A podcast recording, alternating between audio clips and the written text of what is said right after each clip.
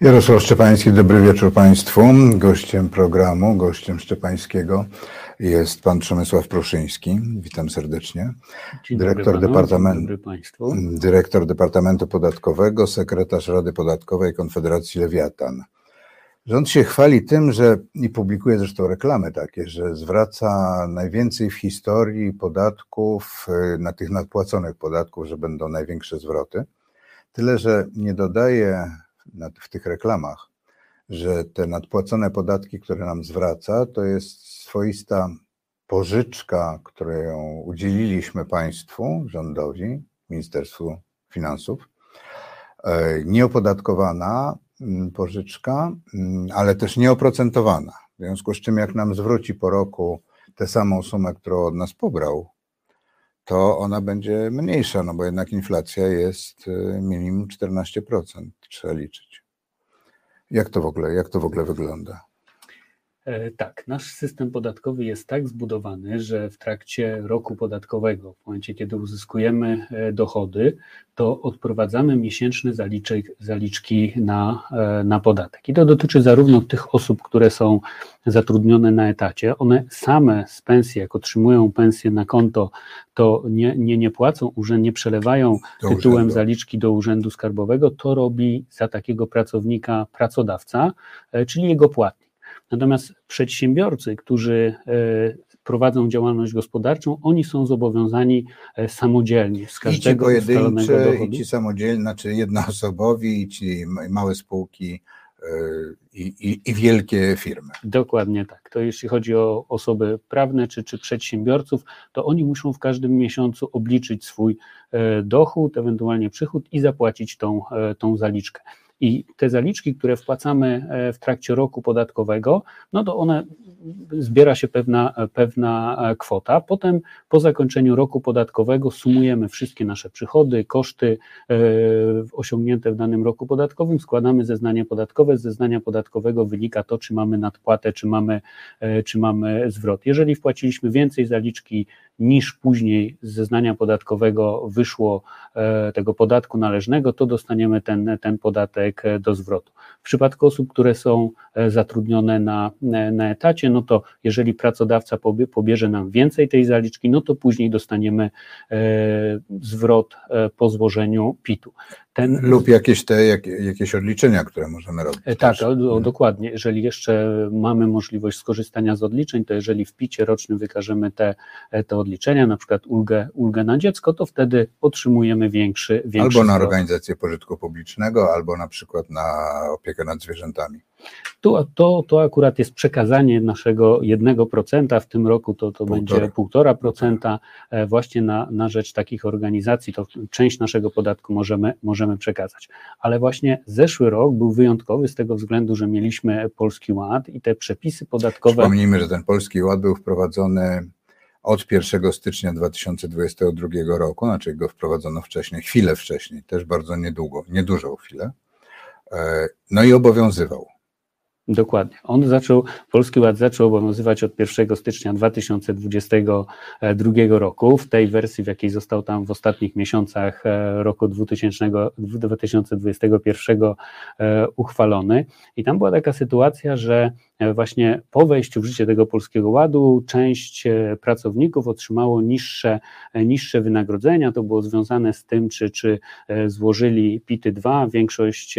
Szczególnie na inne odczuli to nauczyciele, bo przy niewielkich pensjach to łatwiej było... Raz, raz, że przy niewielkich pensjach, dwa, dlatego, że oni mieli płatne wynagrodzenie z góry, czyli na początku miesiąca, więc byli tymi pierwszymi grupami społecznymi, które się zorientowały, że po wejściu Polskiego Ładu, czyli reformie podatkowej, która miała spowodować obniżkę podatków dla, chyba tam w pierwszej wersji było podawane dla 18 milionów pod, e, po, po podatników, zorientowali się, że tego podatku e, zapłacili więcej, czyli no dostali netto wynagrodzenie e, mniejsze. I to właśnie, że, że w tych pierwszych miesiącach ten podatek nadpłacili, czyli płatnik, pracodawcy zgodnie z przepisami pobrali im więcej zaliczki na Zresztą było to 17, 17% wtedy Tak, jeszcze. bo jeszcze na początku to było została podniesiona kwota wolna od podatku, ale jednocześnie zabrano odliczenie składki zdrowotnej. Wcześniej płaciliśmy składkę zdrowotną, tak, to przejdziemy, przejdziemy za chwilę, ale te, te kilka czynników, czyli właśnie podniesienie kwoty wolnej od podatku przy jednoczesnym zabraniu odliczenia składki zdrowotnej od podatku, E, no, e, i jeszcze przez pół roku obowiązywała ulga dla klasy średniej, to spowodowało, że mimo tego, że wszyscy mieli na tym polskim ładzie skorzystać, to nie do końca tak było. Dla części podatników to nie było, nie było korzystne, w sensie e, no, podatnicy widzieli, że, że dostali netto mniej, rządzący byli w kłopocie z tego względu, że no mieli wszyscy zyskiwać, a ze względu na to, że jedni e, właśnie złożyli zawiadom, taką prośbę do, do swojego Tam pracodawcy jeszcze... o pomniejszanie podatku e, tej zaliczki, inni nie złożyli, no to w konsekwencji zapłacili większe zaliczki. I jeszcze ci, którzy pracowali w różnych, w kilku miejscach na przykład, też, też mieli z tym problem, tak, bo to im się... pobraną zaliczkę w różnych, e, w różnych miejscach, dlatego finalnie mogli zapłacić więcej więcej podatku. I jak rządzący się zorientowali, że te zmiany nie do końca są takie korzystne, jak e, były Sami prezentowane. się zorientowali, czy zaczęli ludzie protestować? No, ludzie zaczęli protestować. My jako organizacja no przedsiębiorców e, wcześniej analizowaliśmy te przepisy i w, na etapie e, bardzo krótkich, niewystarczających konsultacji społecznych zgłaszaliśmy przecież wiele, wiele uwag, ponad stustronicowej takie opracowanie, opinię prawną przekazaliśmy, ile tych wątpliwości e, dotyczących właśnie przepisów Polskiego Ładu e, mamy jako, jako przedsiębiorcy, no ale oczywiście to nie zostało wysłuchane, ustawa weszła w życie. Więc potem, po tych protestach, po tym niezadowoleniu e, z Polskiego Ładu, czy nie takim odbiorze społecznym Polskiego Ładu, jak, jak życzyli sobie to, tego rządzący, no zdecydowano się na na kolejne zmiany i od lipca obniżono stawkę podatkową. Czyli w połowie roku wprowadzono zmianę w systemie podatkowym e, zgodnie z prawem, bo można obniżyć, bo podwyższyć nie można, obniżyć można, e, no ale w połowie roku. Tak, w połowie roku została ta stawka podatkowa obniżona z 17 na, do 12%, po to właśnie, żeby E, te, te, te, wcześniejsze zmiany polskoładowe, e, czyli to zabranie odliczenia składki zdrowotnej, wprowadzenie tej ulgi dla klasy średniej nie powodowało, że tak wielu e, podatników no, musi zapłacić większe, większe podatki. Więc w połowie roku mówiąc, z zastosowaniem tak, z, z zastosowaniem od początku, czyli od stycznia 2022 roku zaczęły obowiązywać kolejne, kolejne zmiany. I finalnie E, spowodowało to, że właśnie tak Czyli dużo za cały rok płacimy, dwa, płaciliśmy, znaczy no płacimy, no, poprzedni rok 12%, a płaciliśmy przez pierwsze pół roku 17% zaliczki. Tak, zaliczka była pobierana jako 17%, przy czym ta e, też e, od początku nie było tego odliczenia składki, składki zdrowotnej, potem e, obniżono to do 12, no i finalnie spowodowało, że u wielu podatników wystąpiły e, nadpłaty podatku, no i te nadpłaty teraz ci podatnicy odzyskują właśnie po złożeniu zeznania e, podatkowego. Ale to, co pan e, redaktor powiedział, jakkolwiek cieszy się, że ktoś nam oddaje pieniądze, nawet e, pomimo tego, że wcześniej nam je zabrał, no to niestety nie, zysk, nie zyskujemy na tym, mimo że, że, że Czy mamy nie ma teraz... inflacyjnego tam powiększenia tej sumy albo oprocentowania jak na dobrej lokacie, tylko po prostu dostajemy żywą gotówkę. Znaczy, znaczy dostajemy ten zwrot podatku, te pieniądze e, już o wskaźnik czy wartość inflacji e, mniejszą kwotę, bo jeżeli rok temu, czy, czy półtora roku temu, no bo też już no. jesteśmy w połowie e, kolejnego, kolejnego roku, pobrano nam kwotę X, no to teraz półtora roku później, jak odzyskamy te pieniądze, no to faktycznie one są dużo, dużo mniej warte, uwzględniając, że, że ten rok i zeszły, zeszły no to są rekordowe lata, jeżeli chodzi o wysokość, wysokość inflacji. Tu, tu niestety nie ma takiej symetrii, bo jeżeli my nie zapłacimy podatku, to od razu są nam naliczane odsetki, my musimy zawsze wyrównać e, podatek z odsetkami, jeżeli państwo przetrzyma nasz, e, nasz podatek, no to już z odsetkami tego podatku nie, nie odzyskamy, tylko tyle, że możemy się cieszyć, że w ogóle go odzyskaliśmy. Przy czym to, że e, te zwroty teraz dostaliśmy, to też nie jest nic takiego wspaniałego z tego względu, że gdyby nie ta podwyżka w pierwszej części roku opodatkowania, to później nie byłoby e, tych zwrotów. No oczywiście, jeśli chodzi, e, no, są różne indywidualne sytuacje. No, na Polskim Ładzie być może e, część podatników minimalnie skorzystała, w sensie to, to skumulowanie tych czynników, jak wyższa kwota wolna od podatku i obniżenie tej stawki podatkowej w pierwszym progu, no przełożyło się na to, że ktoś tam kilkadziesiąt złotych miesięcznie więcej netto E, pensji otrzymał, no ale e, też bardzo, bardzo dużo, w mojej ocenie, większość podatników na tych zmianach finalnie i tak straciła. Na pewno dużo, dużo stracili e, przedsiębiorcy, i tu też niezależnie od formy opodatkowania, no to oni najbardziej są poszkodowani, jeśli chodzi o polski Szczególnie przedsiębiorcy w tej największej masie, czyli ci drobni przedsiębiorcy, czyli małe spółki, małe firmy i, pojedyncze.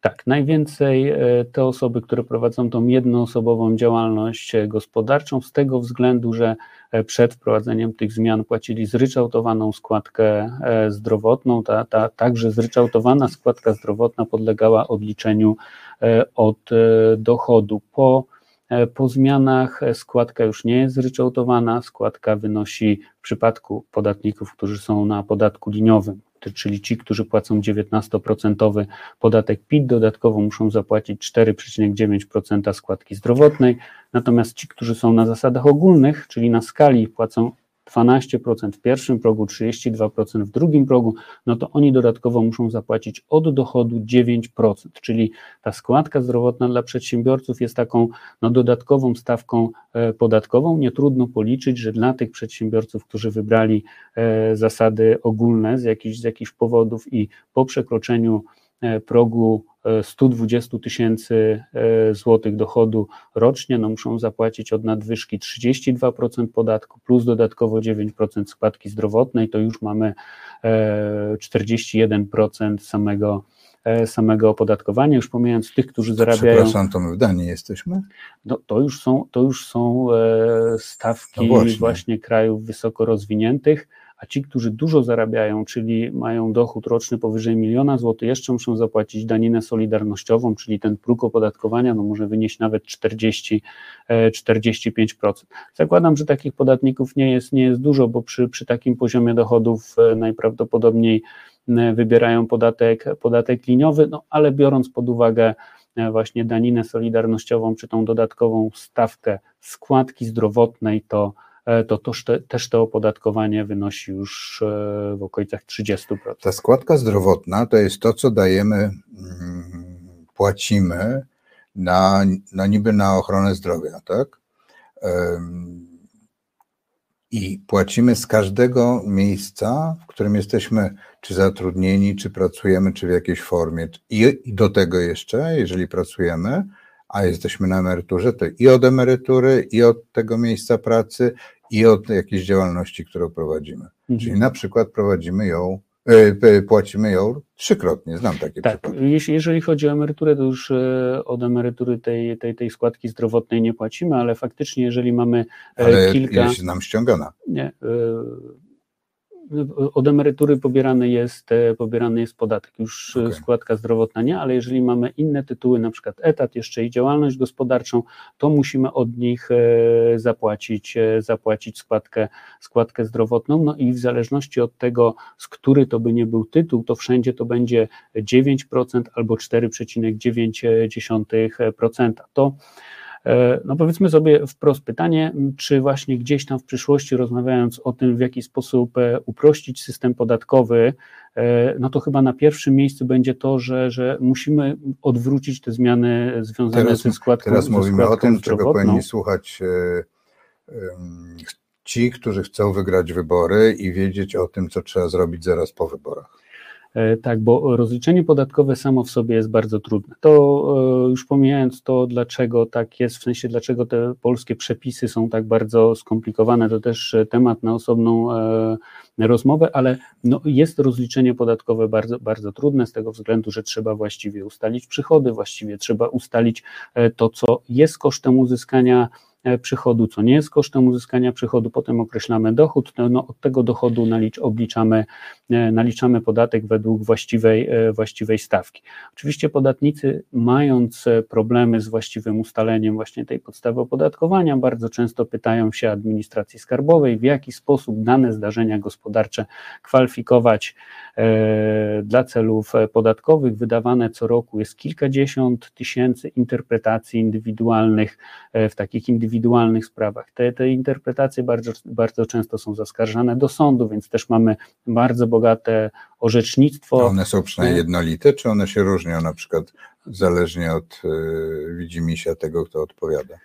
E, niestety nie do końca jest dobrze z tą jednolitością. Te interpretacje mogą być różne, a na pewno różne mogą być orzeczenia, orzeczenia sądów. Jeszcze e, teraz e, zostało to ujednolicone, że tylko jeden organ wydaje interpretacje indywidualne. Kiedyś wydawało kilka kilka biur E, Krajowej Informacji Skarbowej, więc e, więcej było przypadków, że te interpretacje były, były różne, ale już, e, no właśnie, w momencie, kiedy dyrektor Krajowej Informacji Skarbowej wydaje taką interpretację, no to ona trafia do sądu i w zależności od, od sądu te orzeczenia mogą być, mogą być różne, więc tych, tych problemów jest bardzo dużo. Ale dalej, czego... przepraszam, że skoczę słowo, to da, dalej nam daleko do sądów amerykańskich, że jak jest wykładnia sądu, to najwyższego zwłaszcza, to już, to już to jest prawem obowiązującym. E, jest, jest daleko i u nas niestety, nawet patrząc na, na orzeczenia Naczelnego Sądu Administracyjnego, to też i w ramach tej instytucji zdarzają się e, różne orzeczenia, wydawać by się mogło w tożsamych sprawach, ale to już są bardzo trudne prawnicze, e, prawnicze kwestie do, do rozstrzygania, tak, dotyczą naszych, naszych kieszeni, ale właśnie wcześniej dotyczyły to, dotyczyło to naszej, naszych kieszeni w kontekście opodatkowania, stawki podatkowej. I e, od tego zacząłem, że, że system podatkowy nie mamy, e, nie mamy łatwego systemu, prostego systemu podatkowego, no i te spory podatnicy musieli, e, z tymi sporami musieli się zmagać. Ale teraz, w momencie, kiedy mamy składkę zdrowotną, jako tak jak powiedziałem, taką dodatkową stawkę podatkową i podstawą obliczenia składki zdrowotnej jest właśnie ten dochód podatkowy, to te wszystkie bolączki i trudności związane z obliczeniem e, podatku zostały przeniesione także na składkę zdrowotną. Więc teraz, w momencie, kiedy popełniono w trakcie roku czy w trakcie miesiąca źle ustalono podstawę opodatkowania, czy, czy zwyczajnie, nawet już pomijając te, te spory i trudności, ale zwyczajnie skorygowano fakturę. E, podatnik dokonał sprzedaży, potem e, ten towar został zwrócony, to w tym momencie on e, wystawia fakturę korygującą, więc u niego zmniejsza się przychód, zmniejsza się jednocześnie dochód. Jeżeli zmniejsza się dochód, to to nie dosyć, że zmienia się, zmienia się podstawa opodatkowania i wysokość podatku, to zmienia się także podstawa obliczenia składki zdrowotnej, i, e, no i trzeba dokonywać korekt składki zdrowotnej, czy, czy w, konsekwencji, e, w konsekwencji po rozliczeniu całego roku może się okazać, że ta składka zdrowotna albo będzie niedopłata i w podatku, i w, w składce zdrowotnej, albo może być nadpłata i, i w podatku, e, i w składce w składce zdrowotnej. Taką, przy, przy tej składce jesteśmy ciekawi, ja mogę powiedzieć, pewnie pan redaktor chce o to zapytać, no bo teraz też ci, ci przedsiębiorcy, którzy którzy właśnie płacili tą składkę zdrowotną na nowych zasadach, też składają wnioski e, o, o, o stwierdzenie nadpłaty, czy o zwrot nadpłaty w momencie, najpierw dostają, najpierw dostają informację, że jest nadpłacona składka zdrowotna. Tak, otrzymują informację, że jest nadpłacona, występują... Potem próbują wejść na, na konto ZUS-u, gdzie system nie działa.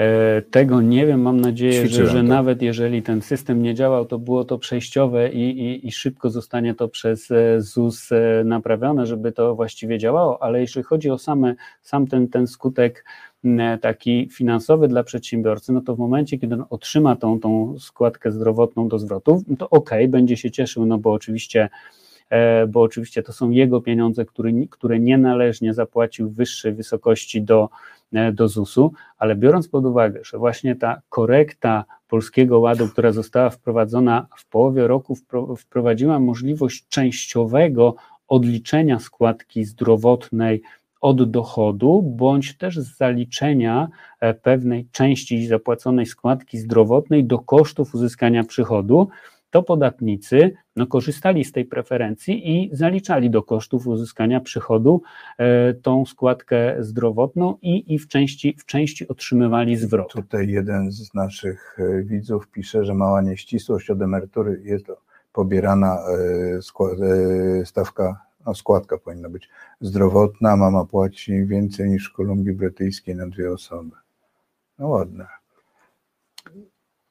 Okej, okay, dobrze. Czyli to, jest, czy nie jest? E, to, to, to już e, podejrzewam, do, do, do, do, sprawdzenia to nie jest stricte tak, e, temat, temat podatkowy, więc też do, do, mhm, do weryfikacji, no ale tych mhm. tytułów, mhm. jak tam jest kilka, to na pewno na pewno tą składkę zdrowotną od tych kilku tytułów trzeba. Znaczy trzeba w moim zobaczyć. przypadku było, jako skoczę jako dowcip, mhm. bo ja dostałem informację, że mam nadpłacone 20 zł 40 groszy więc uznałem za stosowne po prostu mm, dać sobie spokój z tym. No. Przeżyję. Tak, składka, e, składka, składka zdrowotna na emerytury oczywiście tak, emeryta, emerytalne już w momencie emerytury nie, e, mm, Odpadają, nie płacimy, tak, tak tam mhm. odpada te, część tych, e, tych składek. Dobrze. Dziękujemy. Dziękujemy.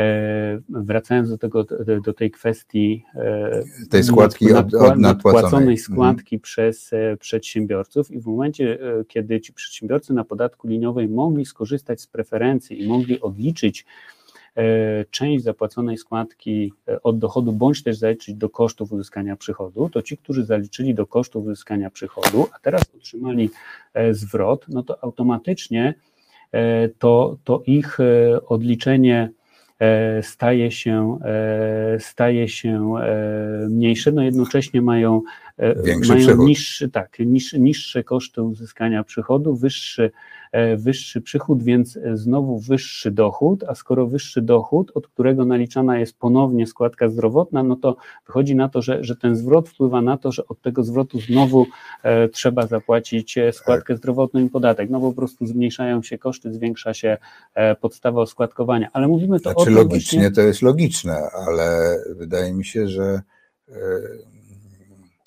że z taką prawdziwą logiką, to chyba to jest na bakier. E, to jest, e, znaczy to jest logiczne patrząc na tym, jaki nielogiczny mamy się, system. Chodzi, no, o, chodzi o, o to, że e, to to skomplikowanie niepotrzebne nie powinno zostać przeniesione na składkę, na składkę zdrowotną. W sensie, że mamy teraz sytuację taką, że właśnie z tymi rozliczeniami podatkowymi przeszliśmy na, rozliczenia, na rozliczenie w składce zdrowotnej. Naszym postulatem e, przedsiębiorców, czy, czy w ogóle organizacji naszej jest to, żebyśmy jednak składkę zdrowotną mieli stałą, zryczałtowaną dla wszystkich. I to nawet nie tylko dla przedsiębiorców, ale też możemy zastanowić się nad tym, żeby każdy podatnik, każdy obywatel płacił stałą składkę zdrowotną, z tego względu, że wszyscy korzystamy z tej samej e, służby zdrowia w, te, w takim samym zakresie. Otrzymujemy tą samą jakość, ofertę no, usługi, no jakość usługi publicznej, więc powinniśmy płacić jednakową składkę zdrowotną. A jeżeli rząd chce realizować tą funkcję redystrybucyjną, E, systemu podatkowego, no to do tego powinny służyć stawki podatkowe. W sensie, jeżeli chcę opodatkować pewne grupy e, społeczne bardziej od innych, no to wtedy im powinien e, dedykować wyższą stawkę podatkową i ewentualnie z tych dodatkowych wpływów realizować, realizować inne funkcje, czy, czy uzupełniać niedobory finansowe Funduszu Ubezpieczeń E, ubezpieczeń e, zdrowotnych. Tutaj, żeby właśnie wytworzyć taką, takie poczucie, że podatki są obniżane, e, przy jednoczesnym zwiększeniu jednak finalnie Czyli obciążeń taką dla, fikcję, dla przedsiębiorców. Że tu zmniejszamy, ale mm, przepraszam, ale tędy zwiększamy. Tak, no zdecydowano się e, zlikwidować odliczenie składki zdrowotnej od, od podatku, bo odliczenie wcześniej wynosiło 7,75% z 9% e, podstawy. Czyli można powiedzieć, że 7,75% to było to, co odzyskiwaliśmy. Więc w momencie, kiedy stawka podatkowa była 17, e, ale składki zdrowotnej odliczaliśmy 7,75, no to, to finalnie to obciążenie było, było mniejsze. Teraz stawka podatkowa jest niższa, 12, kwota wolna od podatku wyższa, ale już nie odliczamy składki zdrowotnej, czyli musimy doliczyć 9% składki E, składki zdrowotnej. No, najprostsze było to, żeby jednak składka zdrowotna była zryczałtowana dla wszystkich, jednakowa, jednakowa nieodliczalna, wynosząca 300 czy 400 zł e, miesięcznie i byłoby prosto, jeden przelew wykonywaliby przedsiębiorcy. W przypadku e, pracowni, pracowników płatnik pobierałby daną kwotę, przelewał na konto, na konto ubezpieczeniowego E, nie byłoby tych, e, tych problemów, o to, których o czym o Pan teraz mówi, to jest, y, to się nazywa wańkowiczowskie chcieństwo, bo chcemy, żeby tak było i może kiedyś, y, może jakiś rząd się za to weźmie, żeby znormalizować te podatki w sensie takim, że je usprawnić, znaczy uprościć. Bo ja, przepraszam, no, pamiętam, mm, prowadziłem program gospodarczy lat temu wiele i wtedy wprowadzano system podatkowy w Polsce, czyli w latach 90. Ja potrafiłem się bez problemu przez pierwszych chyba pięć lat rozliczać zupełnie mm, co miesiąc i wiedziałem, co się dzieje i, i, i nie miałem z tym żadnego problemu. Ja dzisiaj bym się za to nie wziął. Po mhm. prostu to jest tak skomplikowane, że e, może ja zgłupiałem przez ten czas, ale e, nie, zdecydowanie prawo podatkowe jest dużo bardziej skomplikowane niż było kiedyś. To jest e, no, konsekwencja tych wszystkich zmian, które no, po kolei kolejne rządy wprowadzały. Bardzo często właśnie prawo podatkowe służyło realizowaniu doraźnej polityki rządu. Trzeba było zadowolić daną grupę społeczną, to wprowadzano taką ulgę. Trzeba było znaleźć pieniądze, jak w przypadku Polskiego Ładu, na jakąś zmianę taką e, PR-owo-polityczną, że obniżamy podatki. Wprowadzono Polski Ład i jeszcze te zmiany związane ze składką, ze składką zdrowotną. W momencie, kiedy potrzebujemy, była potrzeba E, znalezienia funduszy na osoby niepełnosprawne wprowadzono daninę e, solidarnościową. No w sensie no, są, są jakieś cele, no to w danym momencie je realizujemy. Nigdy nie było takiej wizji, że chcemy mieć docelowo za kilka lat e, dany system podatkowy, w sensie prosty system podatkowy z określonymi stawkami, bez wyjątków, możliwie najbardziej sprawiedliwy. Jeżeli taka no bo biorąc pod uwagę potrzeby fiskalne e, państwa, no to e, progresywny, że osoby o danych dochodach powinny płacić tyle, e, o wyższych dochodach więcej, o niższych dochodach mniej, no to można by było to zrealizować, gdyby, gdyby ktoś miał wizję, jak to ma docelowo wyglądać. Takiej wizji nigdy nie było. Wszystko było na bazie takich doraźnych zmian. Teraz, rozpoczynając e, pracę nad tym, w jaki sposób usprawnić, e, no to ta, ta składka zdrowotna oczywiście będzie pierwszym takim, takim tematem, który trzeba, trzeba się zająć i zakładam, że tak się wydarzy, że, że do, docelowo ktoś pójdzie po rozum do głowy i powie, no to nie była to nie była potrzebna zmiana, w sensie rozwiązania w taki sposób. Chociaż do tego też musi być zgoda e, znaczy nie zgoda, musi być zrozumienie społeczne, bo e, wychodzi na to, że ludzie lubią być oszukiwani, lubią usłyszeć, no to, e, że mamy obniżony podatek i zobaczyć, że tego podatku e, jednak zapłacili, zapłacili więcej, albo że nic się e, nie zmieniło. No bo jeżeli dzisiaj wyjdziemy, gdybyśmy byli politykami, byśmy wyszli i powiedzieli, ok, musimy jednej grupie społecznej podnieść kwotę wolną od podatku, tak, osobom słabiej e, zarabiającym, z, dru z drugiej strony osobom, które lepiej zarabiają, musimy podnieść podatki, no to byłby sprzeciw, e, przynajmniej części grup, no ale generalnie w odbiorze podatników e, źle wygląda to, że ktoś wychodzi i komunikuje, podnosimy stawki podatkowe, a tutaj nikt nie podniósł stawek podatkowych, wręcz stawki wręcz obniżone. przeciwnie zostały obniżone, ale to, że odebrał odliczenie składki zdrowotnej, to już społeczeństwo tak nie do końca wiedziało o co chodzi, że kiedyś się płaciło 9%, 7,75 odliczało, tak dalej, i tak dalej. Więc w przekazie poszło, podnieśliśmy kwotę wolną od podatku, obniżyliśmy stawkę podatkową, a o składce zdrowotnej zapomnieliśmy e, poinformować. Finalnie wyszło e, w dużej mierze na zero. Ale a czy to nie jest tak, panie dyrektorze, że Ja pamiętam, jak był wprowadzany podatek VAT, ten VAT, który mamy wszędzie, przy, przy wszystkim, w każdej bułce zresztą też. I on był tak skomplikowany i był tak komplikowany przez wprowadzającego. E, ministrem wprowadzającym był wówczas wiceminister finansów Witold Modzelewski, że jedyną osobą, która się łapała w tym, jak to należy rozliczać, odliczać, był profesor Witold Modzelewski, który potem odszedł ze stanowiska wiceministra i założył Instytut Rozliczania VAT-u. Mhm. E, podatek VAT jest bardzo trudnym podatkiem i on oczywiście w momencie, kiedy został wprowadzony, już wtedy był, e, był trudny. No i tutaj trzeba, była potrzebna specjalistyczna pomoc. To, to tak naprawdę w momencie, kiedy ten system się budował, to zaraz potem e, powstał taki zawód zaufania publicznego jak doradca podatkowy, no bo, bo firmy potrzebowały tego profesjonalnego wsparcia w tym, żeby, żeby właściwie między innymi podatek VAT odliczać, ale później podatek VAT istotnie się zmieniał też po wejściu w życie, e, po wejściu Polski do, do Unii Europejskiej. To e, ten podatek jest, jest skomplikowany i mm, Oczywiście są też pola, żeby, żeby upraszczać i starać się przynajmniej dla mniejszych firm stosować, stosować wyłączenia czy, czy preferencje.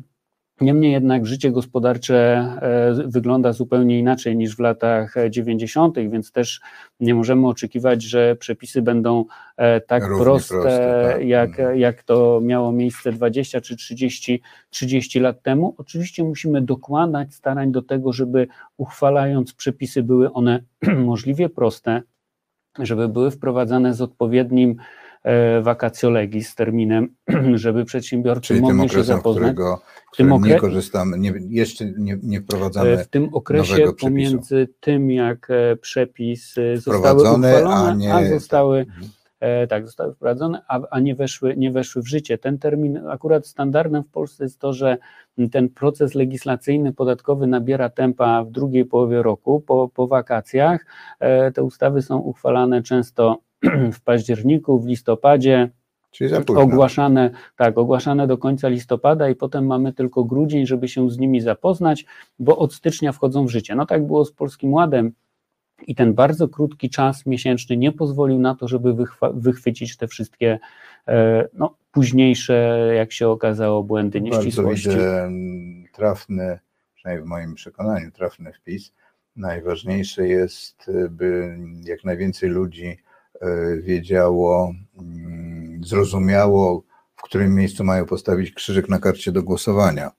E, I to jest chyba największa mm, bolączka, no, największa bolączka e, i rządzących, i tych, którzy chcieliby przejąć władzę albo przejąć, po prostu zmienić. Ja dzisiaj przed wejściem, znaczy właściwie półtorej godziny temu, jeszcze no chwil, dwie minuty wcześniej, E, się zastanawiałem, czy nie będziemy musieli zmienić tematu, bo było zapowiedziane orędzie prezydenta Rzeczypospolitej, pana, pana Andrzeja Dudy. Wysłuchałem uważnie tego chyba trzyminutowego czy czterominutowego orędzia. No i dowiedziałem się, że wchodzimy, będziemy mieli za półtora roku prezydencję, no co było wiadome, e, Unii Europejskiej i no jakoś sobie pomyślałem, że, że to orędzie tak po tym półtora tygodnia e, dyskusji na temat e,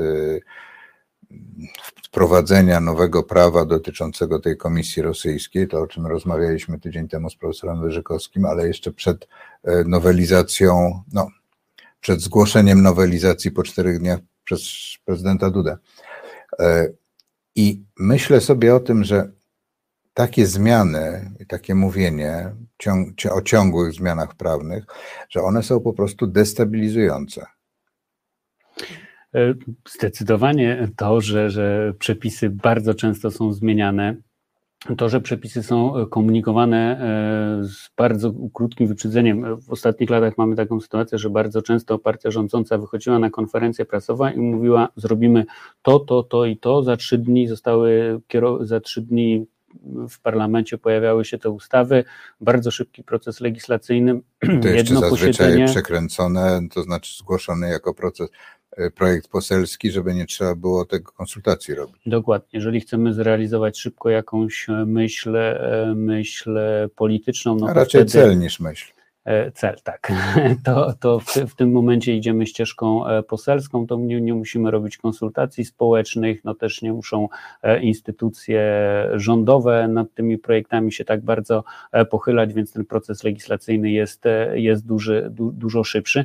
No to oczywiście to, że te przepisy są tak szybko uchwalane, że są niskiej jakości, nie, nie prowadzi się debaty publicznej, no to wszystko finalnie przekłada się na to, że, że mamy nie, niezbyt przyjazny system generalnie prawny, już nawet nie tyle podatkowy, co, e, co generalnie prawny, to, to przekłada się na postrzeganie Polski jako na przykład z punktu widzenia e, biznesu miejsce do lokowania, e, do lokowania inwestycji. No, są przykłady firm, na przykład e, Tesla, która, która no wybudowała no fabrykę e, w Niemczech pod, pod, pod Berlinem. Ale świeżo wybud znaczy wybudowała, tak, to, to, działa to świeżo. To, to jest nowa, nowa fabryka samochodów elektrycznych. No, Polska też była miejscem, które mogła, mogło konkurować, czy, czy stawało do tego wyścigu, że no, możecie wybudować tą fabrykę w Niemczech, możecie ją wy, wybudować również, również w Polsce, no ale Polska, jeżeli I, chodzi... I Polska i Niemcy to jest Unia Europejska jest Unia, jest Unia Europejska. My nawet, jeśli chodzi o koszty pracy, jesteśmy bardziej konkurencyjni w stosunku do Niemiec, no ale e, biorąc pod uwagę e, to, że, że u nas na przykład nie jest e, jasna sytuacja, nie jest jasno zadeklarowana polityka rządu w stosunku do odnawialnych źródeł energii. Mamy z jednej strony deklarację, nie, no jasno że jest będziemy... zadeklarowana. No przecież było, było wiadomo, że kilometr, dobrze mówię, kilometr od 10 razy wysokość 10 wiatraka razy wysokość. od najbliższego zabudowania, potem, teraz jest 7. E, tak, potem, tak potem e, było, tylko mówimy o tej przewidywalności i stabilności. No tak naprawdę, mhm. jeżeli byśmy 10 lat temu przedstawili wizję i też potencjalnym e, inwestorom zadeklarowali, że nasza wizja jest taka, że odchodzimy od węgla, że wspieramy e, fotowoltaikę, że wspieramy w ogóle odnawialne źródła energii czy, czy te wiatraki, no to taki inwestor, który chce na przykład produkować samochody e, elektryczne, no dla niego wizerunkowo ważne jest to, że skoro produkujemy i reklamujemy nasze pojazdy jako te zielone, e, ekologiczne, no to też nie chcemy e, ich produkować na energii wyprodukowanej z węgla. No niedługo wejdą w życie też regulacje dotyczące tego, że będzie trzeba podawać informacje o śladzie węglowym, tak? w sensie ile zanieczyszczenia E, do środowiska trafiło w związku z wyprodukowaniem danego, no danego chyba, towaru. Że, no chyba, to, że wyjdziemy z Unii. E, no, chyba, że wyjdziemy z Unii, no, ale w tym, w tym momencie, nawet biorąc to pod uwagę, że jednak nasza gospodarka jest oparta na, tym, na, na węglu i nie, i nie zmieni się tego w miesiąc czy, czy w rok, ale możemy mieć jasno zakrojony, zakrojony plan dojścia, w jaki sposób, za jaki czas chcemy osiągnąć, e, jakie poziomy właśnie odnawialnych źródeł energii w naszym miksie E, miksie energetycznym, ale takiej, takiej wizji, e, wizji nie ma. Z wiatrakami, no, e, niby wiatra, ta produkcja energii z wiatraków bardzo dobrze się rozwijała, a następnie wprowadzono rozwiązania właśnie między innymi podatkowe. 10 razy i 10 razy to, to, to jest inna regulacja, ale hmm. najpierw podatkowymi w zakresie opodatkowania E, całej tej, tej budowli, też spowodowano, że e, już stawianie kolejnych tych elektrowni wiatrowych nie było, nie było opłacalne i na kilka lat zamroziliśmy e, inwestycje w wiatraki. No to warto to... pamiętać, że tę, że tak powiem, inicjatywę wiatrakową odległościową, tą 10 razy wysokość, to to była pani minister edukacji późniejsza, Anna Zaleska, ona z tym wystartowała, to był jej,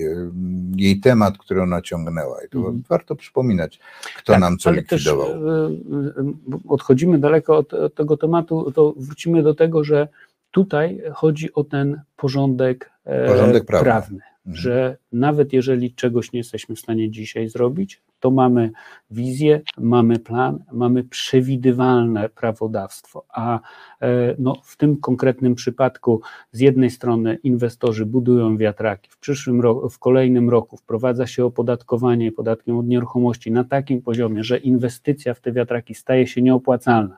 Za dwa lata wycofujemy się z tych przepisów, e, więc teoretycznie znowu zaczyna się być, e, być opłacalne jest, stawianie tych wiatraków. Ja jestem prosty pytający. Przecież to jest działanie na szkodę społeczeństwa, na szkodę państwa, na szkodę na, nas wszystkich. E, Wszyscy chcielibyśmy mieć tanią i czystą energię i tego sobie, sobie życzmy, no, no, bo też nie chcemy żyć w kraju, w którym, e, w którym chorujemy od tego, że, że, że powietrze jest bardzo, bardzo zanieczyszczone. E, następnie wprowadzono te 10H, potem zadeklarowano, że zostanie to obniżone do 500 metrów, jeśli chodzi o lokalizację. A potem pan Suski Finalnie, skreślił i. Tak, potem 7. wpadła poprawka i wyszło 700 metrów. Więc z punktu widzenia inwestora, który ma przyjść i wyłożyć e, kilka, kilkadziesiąt, kilkaset milionów złotych w, w inwestycje, no nie, Polska w tym momencie nie jest atrakcyjna do tego, żeby e, z takimi inwestycjami przychodzić, właśnie ze względu na tą niestabilność i tą niepewność systemu prawnego. No bo to stwierdzenie, mm, już nie mówię o, jeszcze może do tej ustawy zdążymy wrócić, znaczy, no dobrze, ustawy tej rosyjskiej komisji, e, ale te wszystkie zmiany, które są wymyślane, na przykład na przykład wychodzący mój imiennik, pan Jarosław Kaczyński, mówiący, że będą wszystkie autostrady za darmo, znaczy będziemy nimi jechać za, nie płacąc, to e, to nagle trzeba, przynajmniej dwie w Polsce, o ile dobrze pamiętam, są prywatne, te, obsługa, to trzeba to znacjonalizować. Czyli po prostu nagle stwierdzamy, że nie, nie podoba nam się. E, to, to, to jest rozwiązanie, albo drugim rozwiązaniem to jest to, że po prostu wszyscy zrzucimy się z naszych podatków na to, żeby temu, który wybudował tą autostradę, zapłacić jego zyski, no bo on wyłożył pieniądze, Czyli też, żeby Czyli znacjonalizować.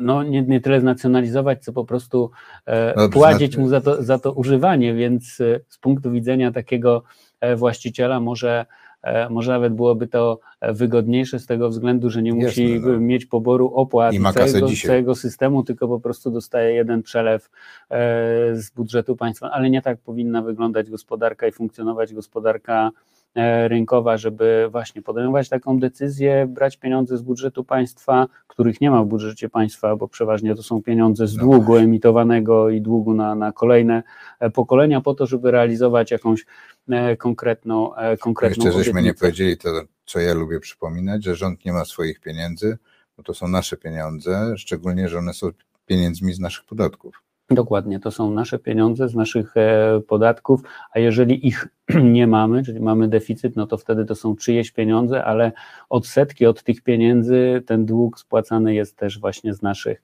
No to już pewnie podatków. nie będą moje, tylko będą dzieci, e, wnuków właściwie, bo to tak, pewnie to przejdzie raczej na, na, na kolejne, na kolejne pokolenia, dokładnie. No i dlatego niektórzy, dlatego mamy e, taką sytuację demograficzną, że zmienił się nam gwałtownie układ emerytów i zmniejszyła się ilość y, ludzi młodych, liczba ludzi młodych, po prostu pracujących. To, to już są e, od wielu lat e, tendencja postępuje. To już wiele, wiele lat temu wiedzieliśmy, że tak będzie, więc, więc powinniśmy podejmować działania właśnie w kierunku takim, żeby raz postawić na E, popularyzację zdrowego trybu e, życia, żeby na popularyzowanie tego, żeby w zdrowiu żeby też dłużej, dłużej, żyli, e, dłużej, żyli dłużej, dłużej pracowali, no to już jest bardzo złożona misja, zadania przed, przed państwem, przed rządzącymi, żeby do tego doprowadzić, no bo też no my dzisiaj pracujący płacimy na emerytury tych osób, które dzisiaj je pobierają, ale no w przyszłości ktoś, ktoś będzie musiał pracować na to, żeby dzisiejsi pracujący mogli pobierać, e, pobierać emerytury. Jedna składka, jeden podatek. Tak, bo tutaj jest. Yy, dziękuję. Yy, tak, to, to, to, to prawda. Taka, takie, taka propozycja rozwiązania była. E, I, I, to delikatnie mówiąc jest rozwiązanie naj, najprostsze. To powiedzieliśmy, dla każdego, Dokładnie, niezależnie czy przedsiębiorcy, niezależnie czy e, pracownik na umowie mhm. o pracę, na umowie zlecenia powinien mieć e, jedną stałą składkę zdrowotną.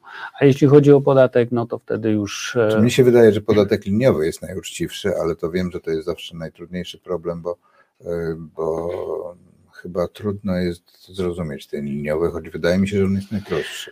E, nie, jest najprostszy i tu, no bo tutaj mówimy o tym, o tej progresywności systemu, że osoby, które zarabiają więcej, powinny więcej do tego systemu e, dokładać i tu oczywiście możemy się spierać w zależności od punktu widzenia, czy, czy osoby lepiej sytuowane mhm. powinny płacić. No jeśli chodzi o podatek liniowy, no to jeżeli ktoś zarabia 10 tysięcy i zapłaci 19% od 19 e, tysięcy, czy ktoś zarabia 10 milionów i zapłaci 19%, no to ten, który zarabia 10 milionów i tak tego podatku zapłaci dużo więcej, zapłaci mhm. dużo więcej więc e, sprawiedliwość w podatku liniowym jest. Pytanie, na jakim poziomie tą e, tą, tą kwotę tego, tą stawkę podatkową ustalić, żeby móc E, zabezpieczyć te, te wydatki państwa, które są e, najbardziej potrzebne. No, biorąc pod uwagę, że my no właśnie mamy już taki strukturalny deficyt finansów publicznych od wielu, wielu lat, e, no to powinniśmy szukać drogi jednak racjonalizowania wydatków, no bo gdzieś tam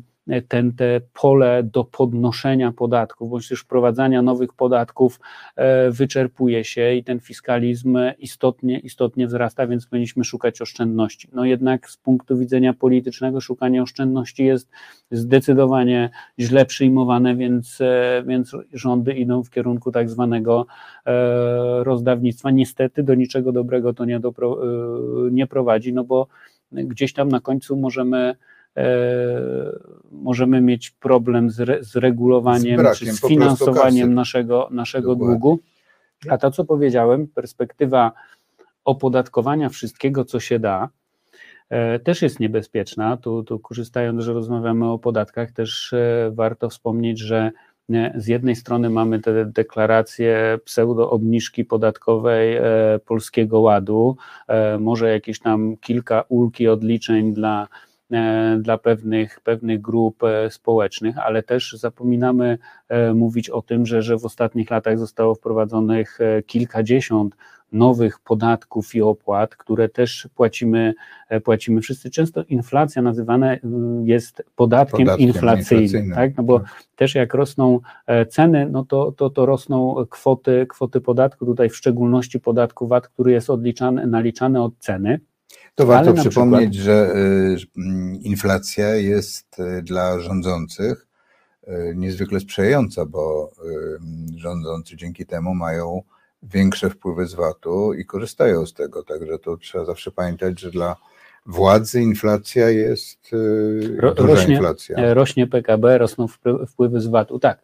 Ale co, co chcę powiedzieć, w ostatnich latach wprowadzony na przykład podatek od sprzedaży detalicznej, który płacą duże firmy handlowe. No generalnie większość dzisiaj e, e, społeczeństwa kupuje albo w hipermarketach, albo w dyskontach, no generalnie w dużych, w dużych sklepach E, handlowych. Rzadziej, coraz e, rzadziej e, robimy zakupy, przynajmniej większe w małych, małych placówkach. Został wprowadzony podatek od sprzedaży detalicznej. Rok roku budżet państwa z tego tytułu otrzymuje około 3 miliardy złotych. To jest 1,4 od przychodu.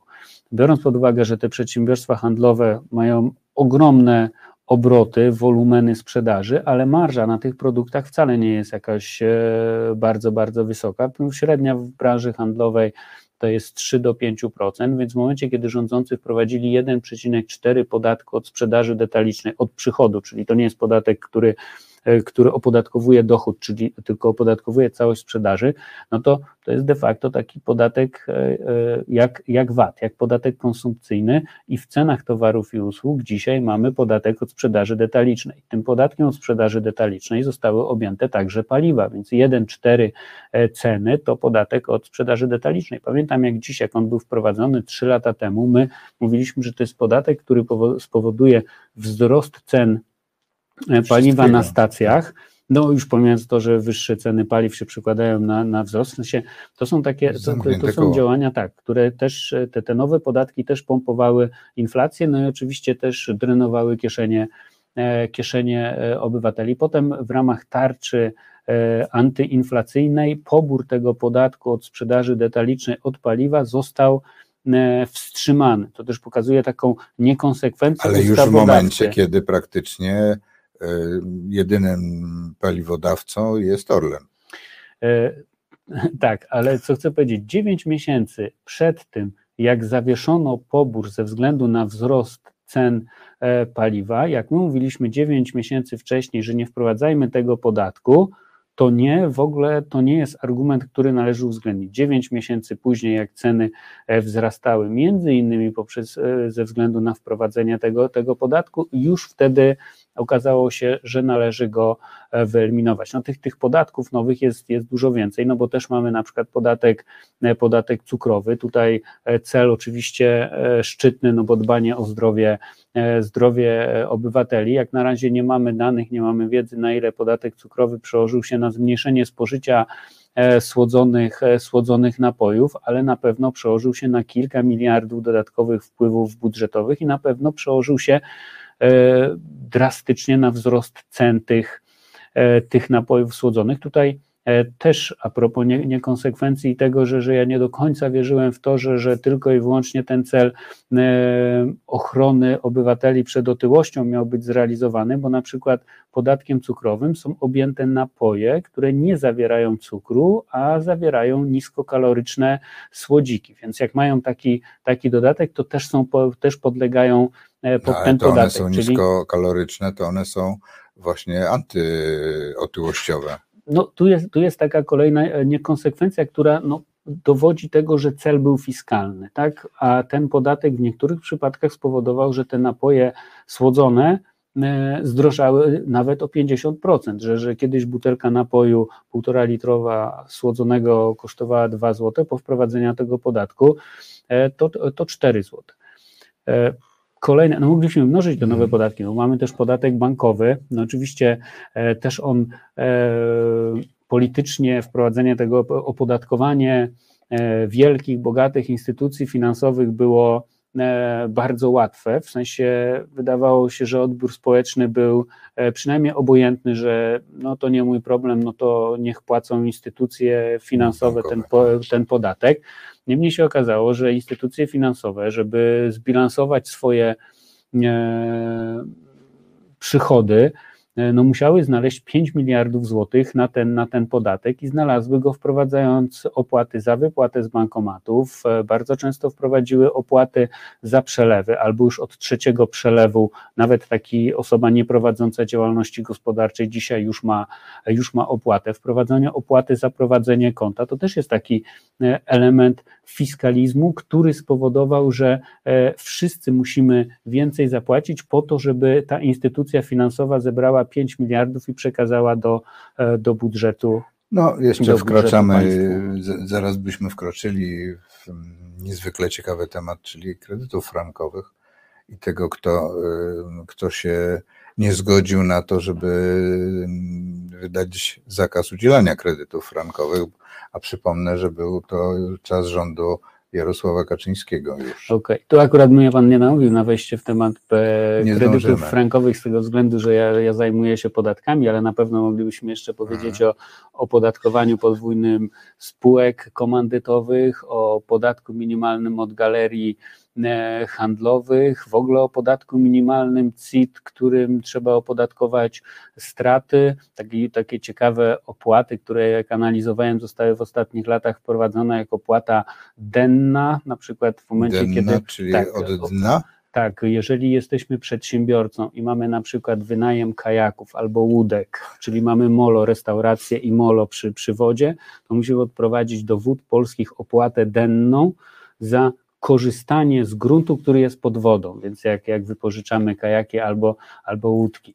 Wprowadzona Dobrze, została okay. w ostatnich latach opłata deszczowa, czyli firmy, które mają duże działki komercyjne w miastach, e, w dużej, w, w zajęte e, więcej niż 70% na, na budynek albo parking, to też muszą taką dodatkową opłatę retencyjną płacić. To się nazywa opłata, e, opłata deszczowa. No, tak jak powiedziałem, tych podatków było około 30, raczej było, jest około 30 nowych wprowadzonych podatków, które finalnie, jak zbierzemy wielkość tych obciążeń, no to one e, raz, że powodują, powodują, że ten fiskalizm państwa jest większy, dwa to, że e, no, u nas ta inflacja jest wyjątkowo wysoka na tle innych krajów na przykład Unii Europejskiej, czy, czy, czy na tle innych krajów na świecie. Ona jest prawie taka sama, tylko tam jest je, bez jedynki z przodu. Tam jest bez jedynki z przodu i oczywiście są czynniki, na które nie mamy, nie mamy wpływu i to są czynniki, które wywo wywołały inflację i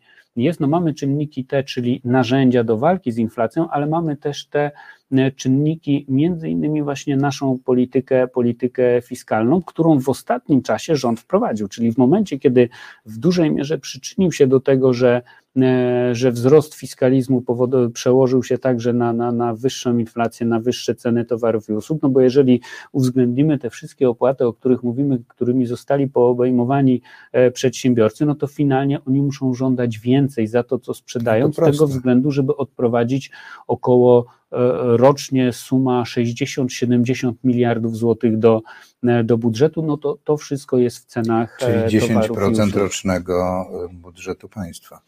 To jest, o, to, to jest mniej więcej. No, nawet więcej, nawet więcej jak, jak więcej 10%. tak. No ale patrząc, mamy około 120 miliardów złotych z podatku e, z podatku PIT, tego co wpływa i do budżetu, i do, do, do samorządów, to to już jest połowa tej, tej kwoty, a około właśnie 60-70 miliardów, 70 miliardów chyba to są wpływy z podatku CIT, czyli tego takiego podstawowego podatku od, e, od przedsiębiorstw. Drugie tyle to są właśnie te wszystkie dodatkowe E, daniny albo waloryzację tych. Ja chciałem danin. jeszcze porozmawiać, nie wiem, mamy parę minut, może, może, mm, może zdążymy. E, wracając do tej ustawy, e, jak profesor Wyrzykowski mówi, Komisji Rosyjskiej powołania, to tam jest w tej ustawie powiedziane w jednym, w artykule 31, zgoda na ujawnienie tajemnicy przedsiębiorstwa. Czyli inaczej mówiąc, komisja może kogoś wezwać, na przykład, no na przykład prezesa Obajtka, i go zapytać o wszystkie tajniki kupna, e, kupna lotosu. I on będzie musiał to ujawniać. Czy to jest bez sensu? Mhm. Znaczy, akurat w tym wypadku to było bez sensem i, i się kiedyś to stanie, ale to będzie inna komisja.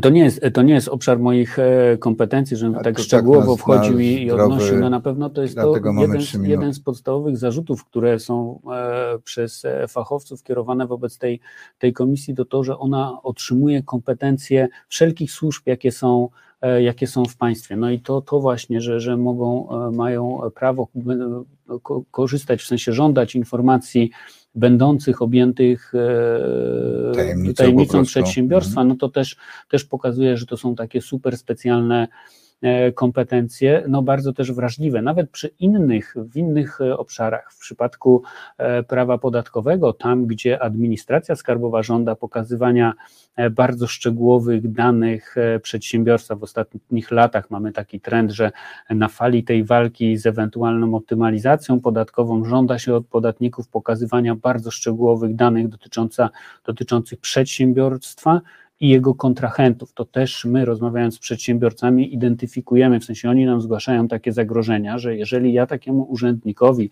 przekażę e, tak wrażliwe informacje, od kogo ja kupuję ten towar i komu przekazuję, to z drugiej strony jest bardzo duża pokusa z punktu widzenia takiego e, urzędnika. urzędnika, że przyjdzie do niego inna firma i powie: To powiedz nam, od kogo, od kogo on to kupuje, kupuje, to my już go w tym łańcuszku pominiemy i on nam nie będzie potrzebny. No oczywiście jest coś takiego jak tajemnica skarbowa, jest odpowiedzialność karna za, za, za ujawnienie tajemnicy skarbowej, więc e, mam nadzieję, że nigdy do takich sytuacji e, nie dojdzie, ale biorąc pod uwagę właśnie to, jak dużo musimy tych informacji e, raportować, przekazywać, no to też jest ryzyko, że nie do końca zgodnie z celem ta informacja może zostać e, wykorzystana. A jeszcze na koniec, czytał Pan dzisiaj o zapowiedziach Fiskusa, żeby, że przygląda się e, Facebookowi i przez Facebooka będzie widział, kto dostał jakie